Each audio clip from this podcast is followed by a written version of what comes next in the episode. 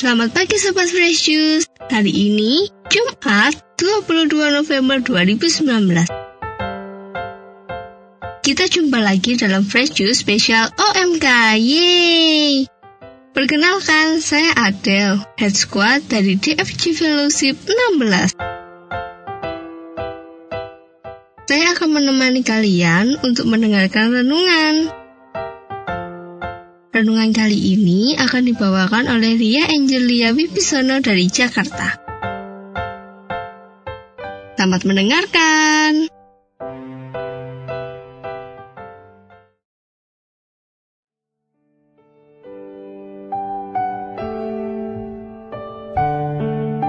Selamat pagi para pendengar Fresh Juice yang terkasih. Hari ini Tuhan mengajak kita untuk menjadikan rumahnya sebagai rumah doa. Yuk kita dengarkan ajakannya. Bacaan Injil diambil dari Injil Lukas bab 19 ayat 45 sampai 48. Pada waktu itu Yesus tiba di Yerusalem dan masuk ke bait Allah. Maka mulailah ia mengusir semua pedagang di situ. Ia berkata, "Ada tertulis, rumahku adalah rumah doa." Tetapi kalian telah menjadikannya sarang penyamun. Tiap-tiap hari Yesus mengajar di bait Allah. Para imam kepala dan ahli Taurat serta orang-orang terkemuka bangsa Israel berusaha membinasakan Yesus. Tetapi mereka tidak tahu bagaimana harus melakukannya, sebab seluruh rakyat terpikat kepadanya dan ingin mendengarkan Dia.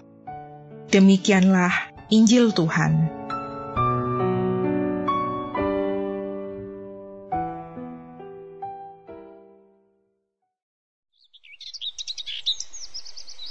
Pada mulanya, Tuhan menciptakan manusia untuk ditempatkan bersama dengannya di Taman Eden.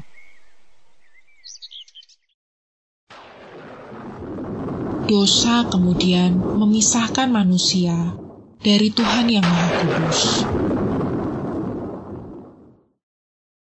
Meski begitu, Tuhan tetap mencintai manusia. Ia minta agar manusia menciptakan suatu tempat di bumi sebagai kediamannya. Awalnya, tempat itu berupa kemah, sebab umat pilihannya sedang dalam perjalanan menuju tanah terjanji lalu menjadi bait Allah, di mana Tuhan benar-benar tinggal di dalamnya agar dekat dengan manusia. Sayangnya, kesakralan bait Allah ini dimanfaatkan segelintir oknum untuk mencari keuntungan. Mereka menjadikan tata laksana ibadah dan aturan persembahan sebagai peluang bisnis. Para pesiarah dari luar kota yang kesulitan membawa kurban berupa ternak bisa membelinya di depan bait Allah dengan harga yang tinggi. Inilah yang dikecam oleh Yesus dalam Injil hari ini. Yesus ingin mengembalikan bait Allah sebagai rumah doa, di mana manusia bisa bebas bertemu dengan Tuhan yang begitu mencintainya.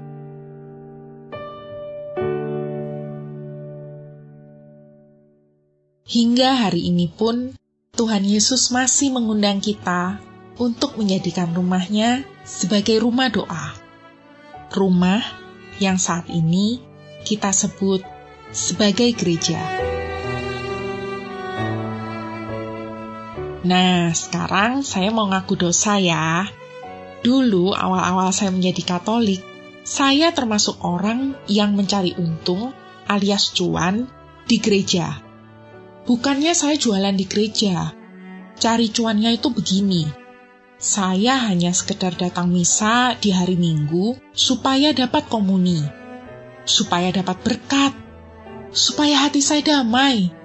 Syukur-syukur kalau waktu misa ada yang ngajak kenalan, Siapa tahu jodoh. Itulah keuntungan-keuntungan yang ingin saya dapat dari gereja. Saya cuma mau enaknya aja, tapi nggak berpikir, apa sih yang bisa saya berikan pada gereja? Awal saya kecemplung di pelayanan pun karena ingin melepas stres.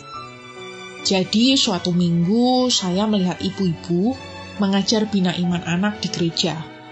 Saya lihat kok mukanya happy banget ya.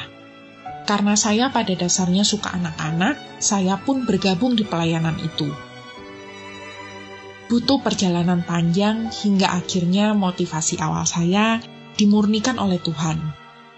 Saya pindah kota, stop semua pelayanan, dan tidak berkomunitas di gereja. Tapi Tuhan menggelitik lagi hati saya. Tiba-tiba saja, saya yang gak pernah datang ke doa lingkungan, berani mengetuk pintu tetangga saya. Selesai doa itu, dari obrolan dengan seorang bapak, saya diajak menjadi pendamping bina iman anak di wilayah. Saya pun kembali melayani. Yang saya baru tahu belakangan adalah, sekitar dua minggu sebelumnya, istri bapak itu berdoa. Dia minta Tuhan datangkan pendamping untuk bina iman anak yang kekurangan orang. Ternyata Tuhan menjawab doanya dengan menanamkan kerinduan di hati saya. Setahun lalu saya pindah kota lagi. Sekarang saya mungkin belum pelayanan lagi di paroki. Tapi Tuhan masih kasih saya kesempatan melayani di komunitas Daily Fresh Juice dan juga menulis renungan harian wanita. Setidaknya, sekarang saya nggak menjadikan gereja sebagai tempat terima berkat aja, tapi juga berusaha memberi manfaat. Saya ingin menjawab panggilan Tuhan Yesus untuk menjadikan gereja sungguh sebagai rumah saya. Rumah berarti di gereja saya punya keluarga. Gereja bukan sekedar tempat singgah, di mana saya nggak kenal siapa-siapa. Rumah Berarti saya siap melayani gereja. Karena bukankah bedanya rumah sama restoran adalah kalau di rumah kita siap cuci piring sendiri. Memang, waktu saya sekedar transit di gereja setiap minggu, hidup ini terasa nyaman. Saya nggak perlu ngejar-ngejar anak orang yang lari-lari di gereja nggak perlu mikirin materi dan kreativitas untuk pertemuan bina iman. Nggak ada kewajiban nulis renungan malam-malam di tengah deadline. Nggak perlu balesin WhatsApp yang isinya curhatan galau dari member. Nggak perlu rekaman renungan sampai berkali-kali, kayak sekarang ini. Tapi, ketika saya berusaha memberi manfaat di gereja, saya bukannya kehilangan, malah makin kelimpahan. Yang pertama, tentu saya jadi punya banyak teman di mana-mana. Meski masih single, saya punya pengalaman mengasuh anak-anak di Bina Iman.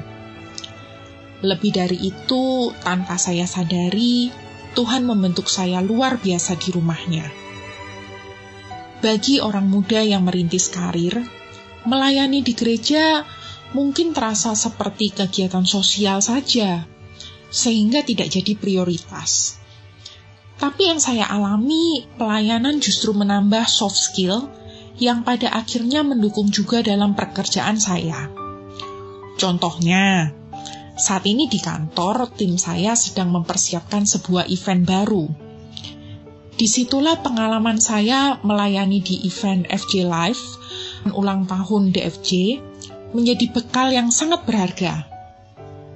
Saya bisa ngomong di depan orang banyak juga karena terlatih di Bina Iman. Sebelumnya saya itu orangnya grogian banget, susah bergaul pula. Papa saya aja bisa bilang, puji Tuhan sekarang kamu bisa seperti ini. Yang utama, gereja melatih saya untuk jadi orang yang terbiasa bekerja dengan tulus, tanpa mengharap pujian, dan malah siap menerima cacian.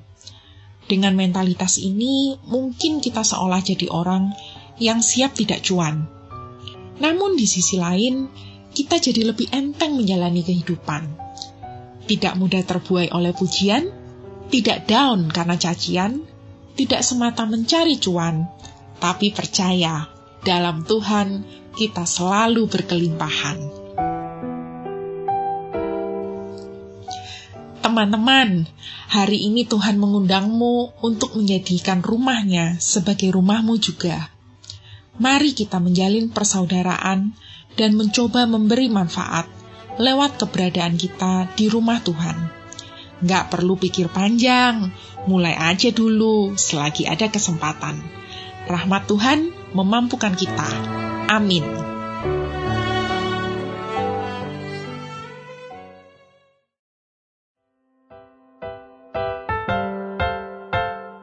Sobat Fresh Juice, baru saja kita mendengarkan renungan dari Ria Angelia.